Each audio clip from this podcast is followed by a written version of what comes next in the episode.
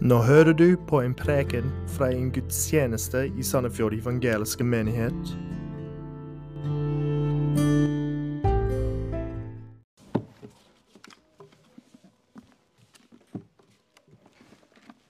Good morning, church. Thank you for your prayers last week for my wife and baby girl, Joy Sarah, Joy Sarah. Uh, we're thankful for her. You'll see her over there in the, the corner. She's joined us today. And we're thankful for all the care and love you have shown us. Uh, we've received dinners, uh, care packages, clothes, uh, teddy bears, many teddy bears, flowers, uh, babysitting, encouraging messages, offers to borrow cars since we can't all fit in our car now. And, um, and we appreciate it a lot. And we are thankful for how everything went. Uh, it's amazing. It's amazing how much one forgets what it's like to have a newborn. Uh, there are so many surprises that really should not be surprises. Uh, the emotions, the joy, the exhaustion, and how light a newborn baby is compared to a two year old, and how small their blade, how small their nappies are, uh, the sweet little sounds the little baby makes, and the quick, sudden movements, and that glorious baby head smell. Oh, so good. Uh, there was one thing, though, one thing that my precious wife was not surprised about. And I know this because she brought it up quite a bit leading up to the, to the birth. So she knew it was coming. Three guesses what? The pain. The pain of giving birth. That was no surprise. And, church, when was the last time you were surprised? And I mean really surprised. When you were surprised at something you really should not have been surprised at. Some, something that, when it happens, you are in complete shock. But if you really think about it, you shouldn't have been surprised at all. We continue with our theme of suffering in 1 Peter. And Peter's aim is to remind these dear Christians to not be surprised at what they are currently going through. Can you open your Bibles to 1 Peter chapter 4 verse 12? And we'll read to the end of the chapter, verse 19.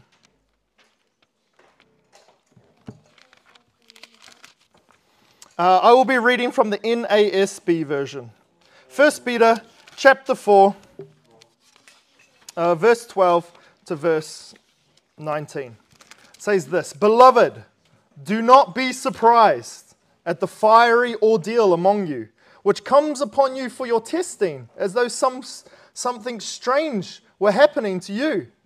But to the degree that you share the sufferings of Christ, keep on rejoicing, so that also at the revelation of his glory you may rejoice with exultation.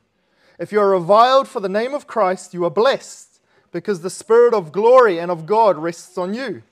Make sure that none of you suffers as a murderer or thief or evildoer or a troublesome meddler. But if anyone suffers as a Christian, he is not to be ashamed, but is to glorify God in this name. And it is time for judgment to begin with the household of God. And if it begins with us first, what will be the outcome for those who do not obey the gospel of God? And if it is with difficulty that the righteous is saved, what will become of the godless man and the sinner? Therefore, though those also who suffer according to the will of God shall entrust their souls to a faithful Creator in doing what is right. You will remember, as we were working through the beginning of this letter, we mentioned that the indicatives precede the imperatives. And we said, well, that's a bit of a confusing sentence. But so uh, we explained that, that this means that what God has done for us comes before what God requires of us, which, which means that we must with a well instructed faith, reflect on what we are and what we have in Christ if we want to make any progress in being or doing what is pleasing to Christ. So, we have seen the foundations of our faith in this letter, the indicatives. That was in chapter 1. And then the imperatives, the commands, started showing up with a call for holiness in the first half of chapter 2. and how we as Christians should act in the world halfway through chapter 3. The suffering course, the suffering university course, began mid chapter 3 and now continues here in chapter 4, verse 12. And this passage again is extremely practical.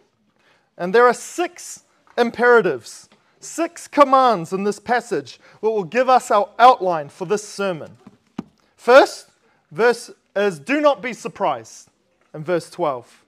Second, keep rejoicing in verses 13 and 14. Three, don't be ashamed, verses 15 and the first half of 16. Four, glorify God, that's verse 16 to 18.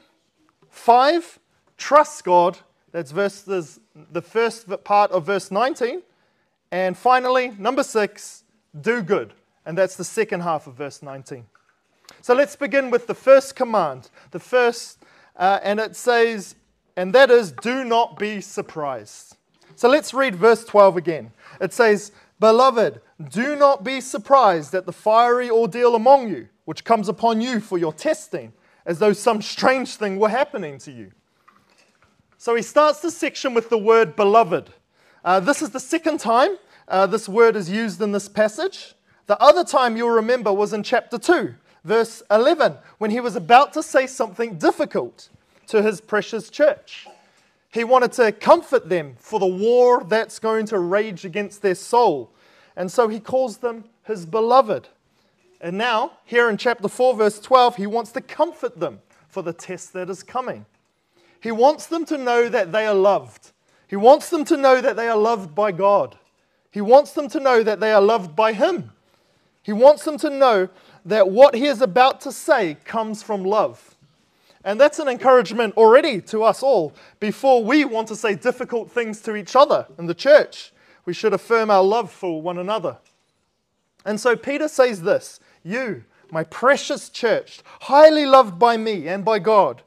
Verse 12 Do not be surprised at the fiery ordeal among you. In other words, do not be surprised at the fiery trial when it comes upon you.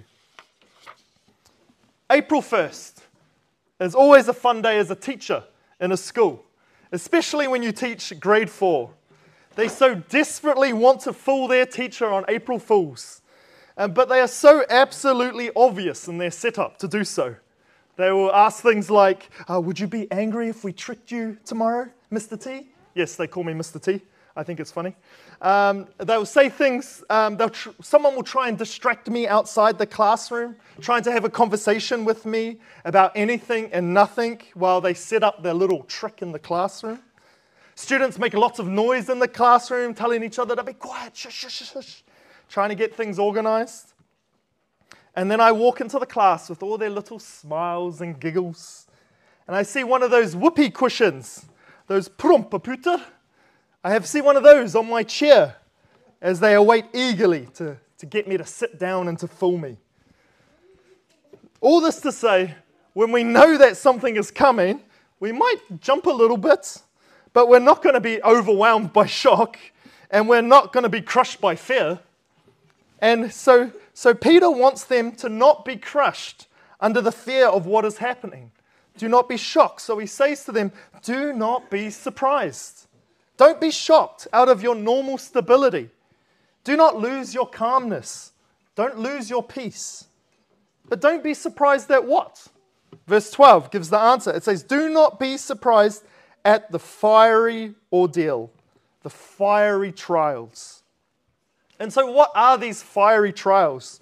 You may remember when Pastor Ireland unpacked um, 1 Peter chapter 1, verses 6 to 7 for us. So, if you flick back to chapter 1, you can see um, in verses 6 and 7, it says this It says, In this you greatly rejoice, even though now for a little while, if necessary, you have been distressed by various trials, so that the proof of your faith, being more precious than gold, which is perishable, even though tested by fire, may be found to result in praise and glory and honor at the revelation of Jesus Christ. So here in this passage, uh, the various, there are various trials, meaning there's many different types of trials, and they will be like fire in their intensity, and they will be there for the testing of your faith. So back to 1 Peter chapter 4 verse 12, it says these trials are various, there are, there are many of them, they're differing, they're mixed. And when we continue in verses 13 to 16, we know in this context it's mainly talking about persecution. And verse 13 says, to the degree that you share the sufferings of Christ. Verse 14 says, if you are reviled for the name of Christ. Verse 16 says, but if anyone suffers as a Christian. And so those three statements show that the trials in verse 12 are mostly talking about suffering as a Christian, meaning suffering because of what a Christian says or how a Christian acts. So, what is the fiery trial going to do? What is the purpose of this fiery trial? It is coming to test you. Verse 12, it says, Beloved, do not surprise at the fiery ordeal, fiery trials among you, which comes upon you for your testing. So, how is one being tested? What is being tested? How do we know if we pass or fail the tests? Tests, pröver, are not often enjoyable, but they are often important. 17th of May has just been, and, it's, and it is an important day in Norway's history, as I'm sure you all know. And it was great to take the boys to the middle of Sandefjord for the barnetog. We got to wave to Leah or Lillian. We saw Lillian there, or um, Bastian, or Samuel, or Peter. And it was a great day to finally celebrate. But I couldn't help but reminded of how extremely nervous I was when I did my samfunnsfagsprøve in order to get Norwegian citizenship. Questions keep coming back to me. What year was the Constitution signed? Okay, uh, 1814. Uh, where was it signed? Okay, not in Oslo, uh, uh, Eidsvoll. Yes, that's right, yeah. And of course, the one question that was very practical for all families all around Norway on that day what are children allowed to do as much as they want of on the 17th of May? Yes. Eat as much ice cream and hot dogs as they want. And it still makes me laugh that in one of the most important tests I have ever done in my life, getting that question wrong may have meant no Norwegian citizenship for me. but Peter is talking about a far more important test a far more important test than citizenship in a country. What is this test? And how do we know if we pass or fail? We just saw it in 1 Peter 1 6 to 7. It says, You have been distressed by various trials, so that the proof of your faith, the genuineness of your faith. So, what can fail under these fiery trials? It's your faith or more accurately, it would be revealed that your faith was not actually genuine. It was not actually real faith, it was a false faith. Uh, hear what John Piper says about this. He says, You could say to God after suffering a fiery trial here on earth, I am exhausted, God, and I'm tired of trusting you. These trials are not worth it, Lord. I thought being a child of yours was going to bring me a better life, and it has not. So I'm done. I'm done with Christianity and I'm done with God. That would mean failure. You failed the test. And passing the test would mean saying and believing something like this Oh God, there is no other place I can turn. I turn to you in my fiery trial. And what's the result? Your faith comes out like gold without all the impurities in it. This fiery trial that comes to test you should not be strange or a surprise to you. Verse 12 it says, Beloved, do not surprise at the fiery ordeal among you, which comes upon you for your testing, as though some strange thing were happening to you. Well, why is it, why is it not strange? Well, 1 Peter 5, uh, verse 9 says, Knowing the same kinds of suffering are being experienced by your brotherhood throughout the world. This is what ex- Christians experience all over the world. And 1 Corinthians 10:13 says, "No test has overtaken you that is not common to mankind." All people between Adam and Eve and you have been tested the same way. your fiery trials are not something just for you. And 1 Thessalonians 3 3 says, We exhort you that no one be moved or disturbed by these afflictions. Why? Verse 3 says, For you yourself know that we are destined for this. Why? Why are Christians destined for these afflictions? John 15 20 says, A servant is not greater than his master. If they persecuted Christ, they will also persecute you. So, questions for you now, Sandefjord Evangeliske. Are you surprised you are suffering? Did you buy into the prosperity lie that life should be easier now that you are a Christian? Do you understand that God has provided or allowed these sufferings to come to you to burn away all the dross or the dirt so that you'll be left with a more pure faith? Do not lose heart. It is normal for Christians to suffer under fiery trials. It is for your good. It is to test your faith to see if it is real, to see if you turn to Christ or if you run away from Christ. It is not a strange thing. So if you come out of your suffering still trusting God, still leaning on God, then praise Him for His work in your heart. If you are crumbling, if you are breaking and you want to give up Christianity altogether, then understand that the faith you may think you have may not really be faith at all. Turn to Him in repentance and ask for strength to persevere. And don't be bitter at the Lord because He is showing you your heart. It is a good thing to realize when your faith is not true faith, because then that can lead you to a true salvation. You can then stop trusting in your upbringing. You can stop trusting in your good works. You can stop trusting in other things for your salvation and instead trust in Jesus Christ to save you. If you're not a Christian, trust in Him now, and He will clean you from your sin, give you a new heart, and help you to persevere under fiery trials. Again, these commands mean nothing if you're not saved first. So repent and believe in Christ. But if you are a Christian, keep turning to Jesus in your suffering and know you do not suffer alone. So that was the first command. And that was really long. And the other five we'll spend much less time on. And so the other five altogether are about that long. But that one's really important.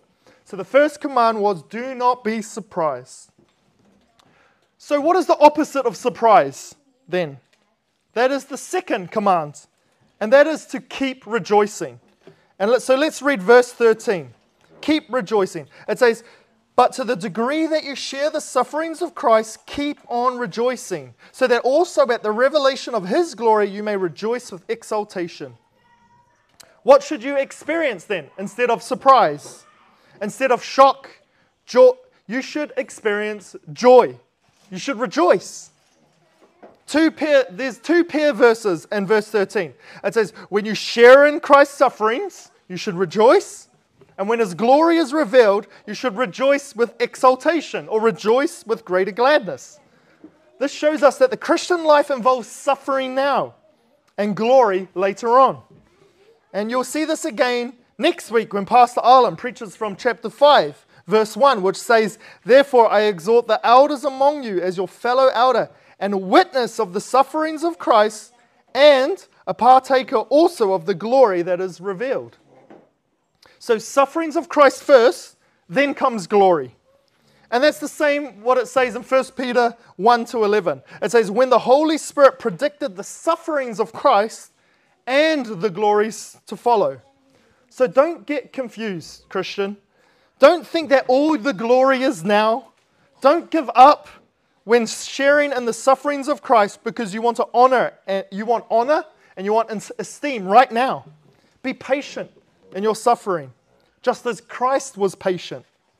So, back to chapter 4, verse 13. How does the first part connect to the second part of this verse? How does rejoicing now in Christ's sufferings connect with rejoicing eventually in his glory? Um, it's in verse 13 it says, But to the degree that you share the sufferings of Christ, keep on rejoicing, so that also at the revelation of his glory you may rejoice with exultation so that, ponoshk forat, in order that. The first is the means, and the second part is the end. So let me explain it. So, verse 13 means we are commanded to rejoice, We're commanded to do all we can to seek after joy and suffering now so that we will not be cut off from that end time joy when Jesus comes back. 1 Peter 3 9 supports this. It says, Not returning evil for evil or insult for insult, but giving a blessing instead. For you are called for this very purpose, so that you might inherit a blessing. And what is the blessing that we might get?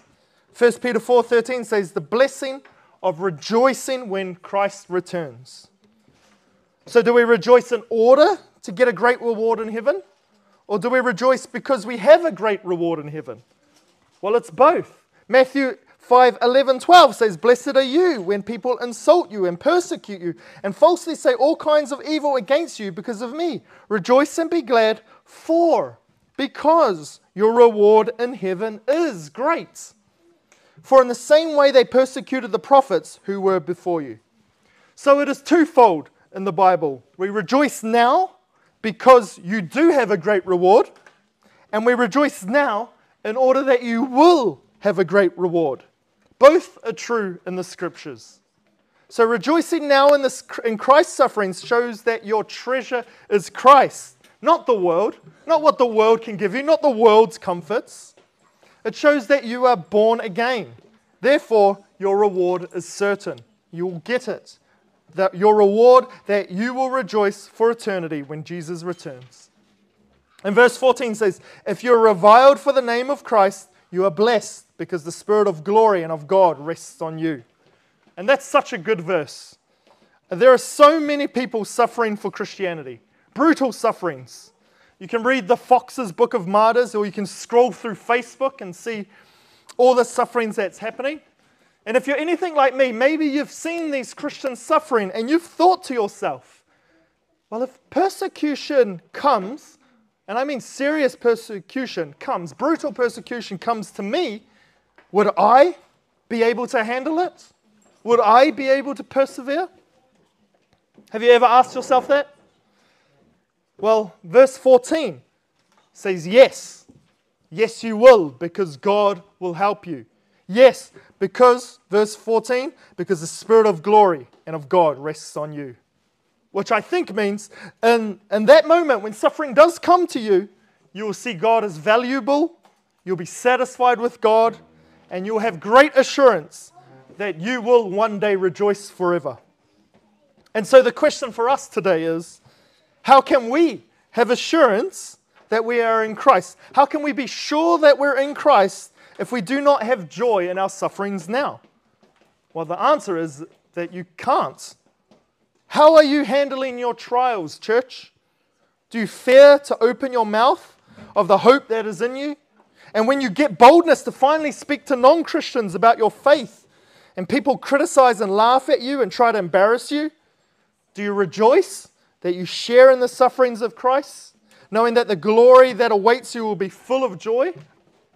Or do you shake your fist at God in anger, using words, trying to save your worldly reputation rather than being bold for Christ? Of course, we may have weak moments. We have those. But in those weak moments, turn to Christ in repentance and receive forgiveness and grace. And when you are persecuted for the way you live and the way you speak, then rejoice. Rejoice in suffering as your Savior did, because then you can be sure that you will rejoice with even greater joy when Christ reveals himself in his fullness. So the first command then is do not be surprised, and the second is rejoice in suffering. See, I told you that one was shorter. And now the third is don't be ashamed. And that's in verses 15 and the start of verse 16. It says, Make sure that none of you suffers as a murderer or thief or evildoer or a troublesome meddler. But if anyone suffers as a Christian, he should not be ashamed. These verses likely sound familiar to you. In 1 Peter 2 19 to 20. Remember? I think Arland went through these verses with us. They say, uh, For this finds favor. For the sake of conscience towards God, a person bears up under sorrows when suffering unjustly. For what credit is there if, when you sin and are harshly treated, you endure it with patience? But if, when you do what is right and suffer for it, you patiently endure it, this finds favor with God. And 1 Peter 3 6 17. I preached this for you a few weeks ago. It says, And keep a good conscience, so that in the thing in which you are slandered, those who revile your good behavior in Christ will be put to shame. For it is better, if God should will it so, that you suffer for doing what is right rather than doing what is wrong. And now, once again, Peter is making the point again. And the Lord knows we need to be reminded of this. He is saying them once again, and he's saying to us undeserved suffering for doing good is better than deserved suffering for doing evil.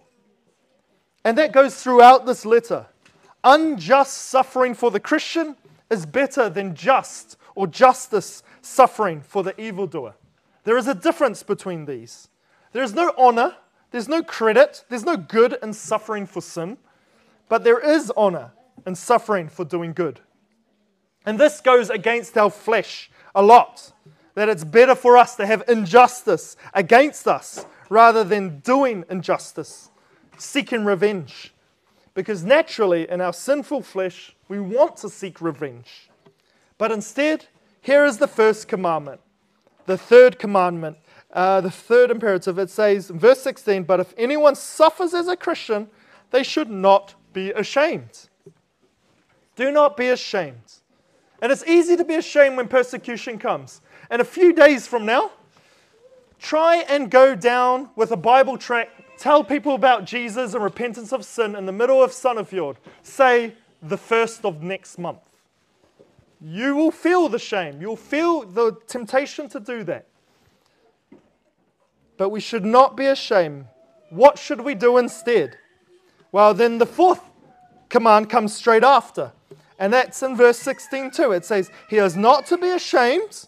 Well, what should we do instead? Verse 16, but is to glorify God in this name. That's the fourth command. Fourth out of six in this passage is instead of being ashamed, you should glorify God. And so the range of sins um, that we could suffer for is large here in verse 15 murder on one hand, and meddling on the other. And the early church may have been tempted to murder. You might ask, well, why did Peter say, do not murder? Surely Christians know not to murder, right? But with the physical persecution going on back then, they could very well have been tempted, tempted to strike back and to kill. And Peter says, do not do that.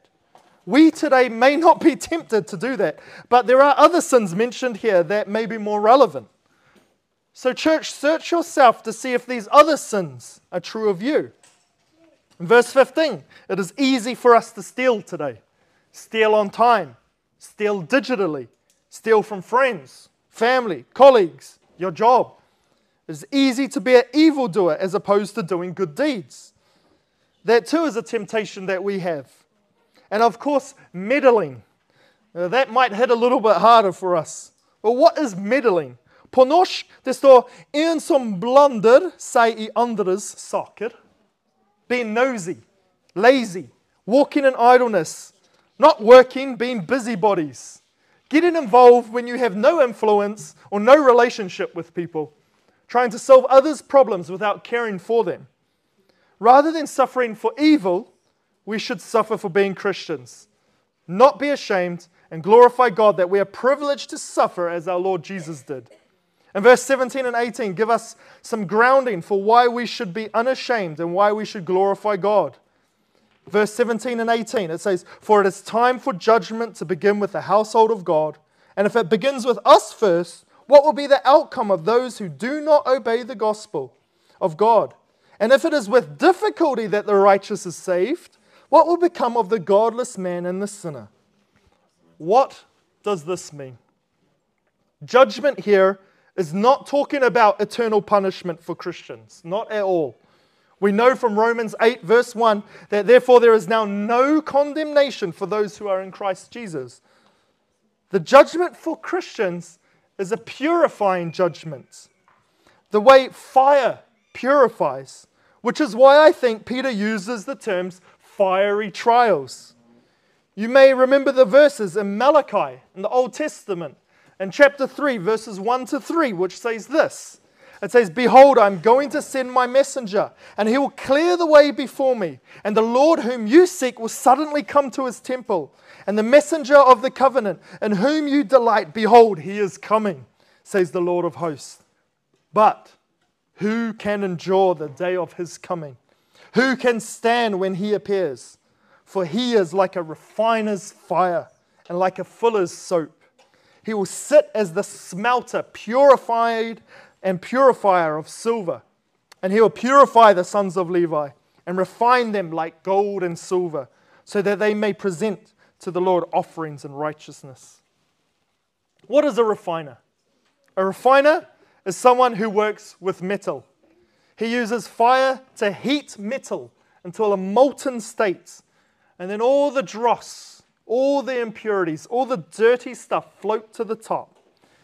And then the refi- and the refiner's fire needs to be extremely high temperature in order to leave the pure gold, silver at the bottom. That is the picture of this judgment. And for the Christian, the judgment is not there to destroy the metal, but to remove all the dirt, the impurities, in order to, to leave a pure piece of metal. And the fuller's soap was something used to bleach clothing bright and white. Again, not to destroy the clothes, but to purify them, make them bright, clean them, wash them. And Peter is saying here, verses 17 to 18, that if this is the process for Christians, which is pictured as fire burning away bad stuff, and if it's pictured as the strong chemicals of bleaching clothing, then what will be the outcome for those who do not obey the gospel. Judgment by fire, but not to purify, to punish under his wrath forever. Although God chastens, he disciplines his own people now, his future judgment of unbelievers will be infinitely more devastating. You may look at the sufferings of Christians and think how horrible that is and they are difficult. But if you are not a Christian, it will be far, far worse in the life to come. Are you saved? Are you in Christ? Have you turned from your sins and trusted wholeheartedly in Christ? Are you turning to Jesus in your suffering? Do not be ashamed, Christian, and glorify your God by making him look as glorious as he is by the way you suffer well under your trials. To conclude, we've got command five and six. We'll do these together.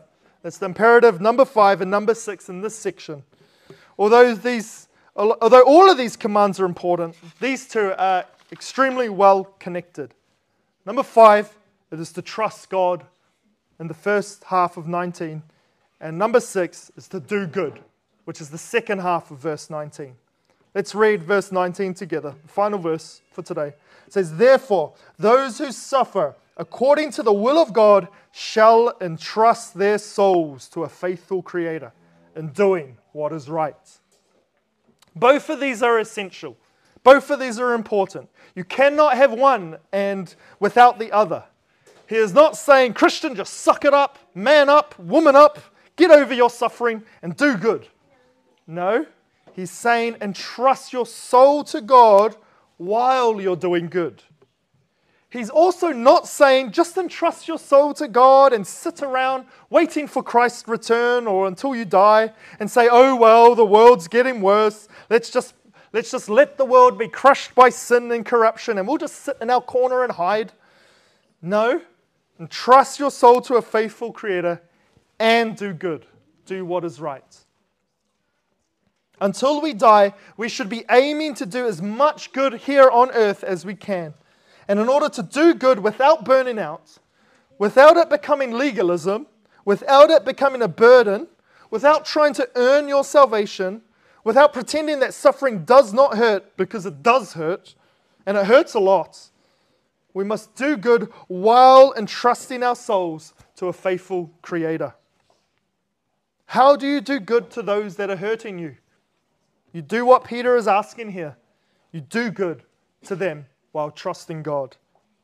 And so, what does it mean to entrust ourselves to God? we do as what Christ did.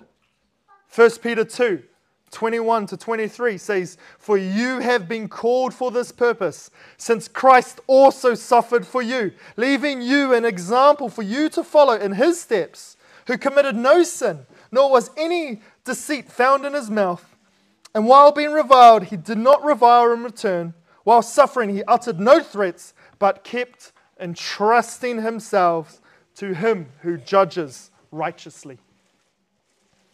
The way Jesus did good for us, the way he went to the cross for us, he did so, entrusting his spirit to the Father.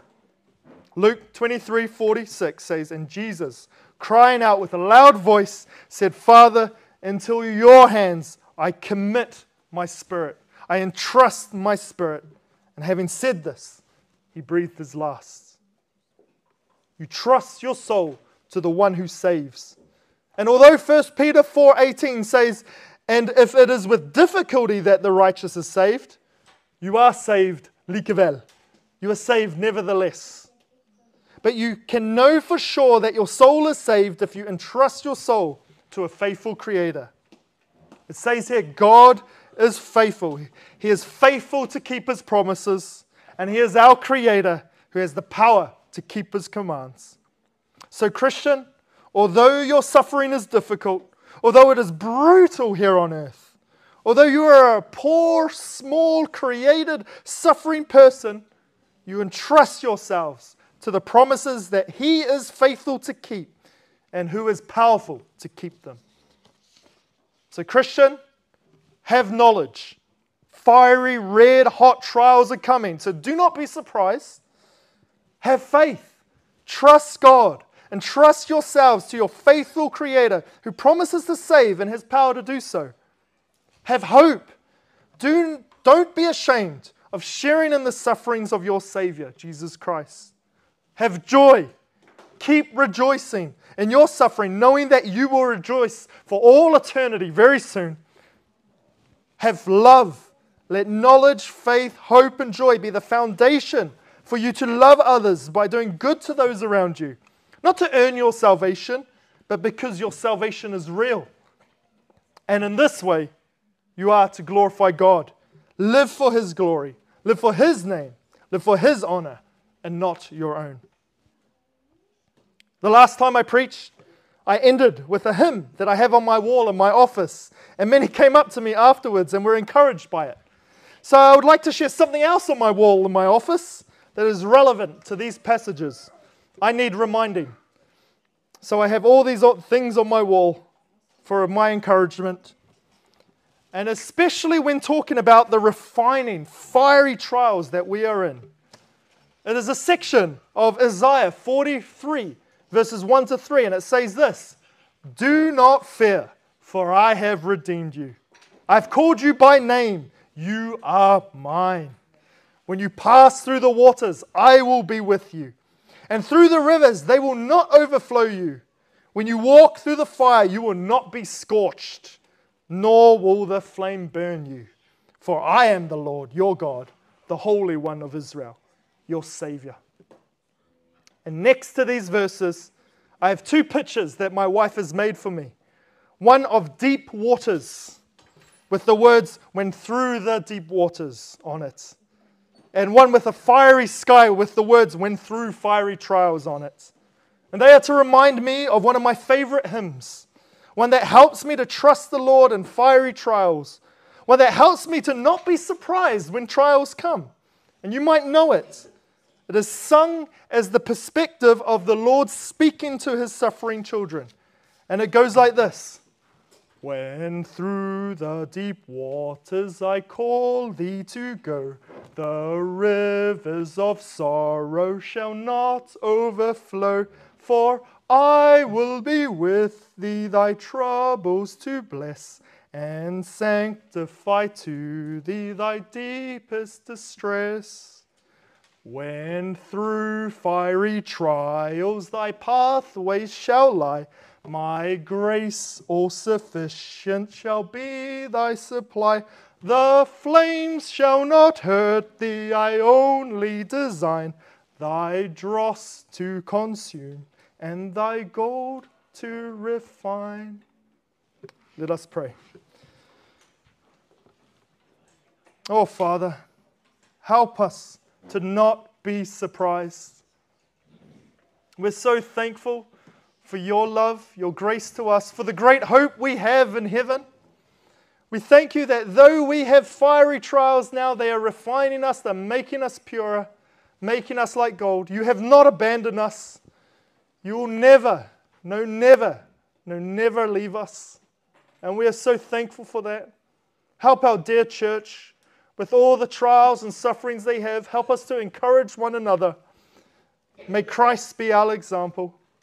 Help us this week.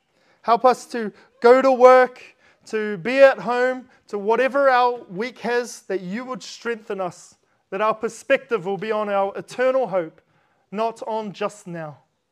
So we thank you for your grace to us. In Jesus' name, amen.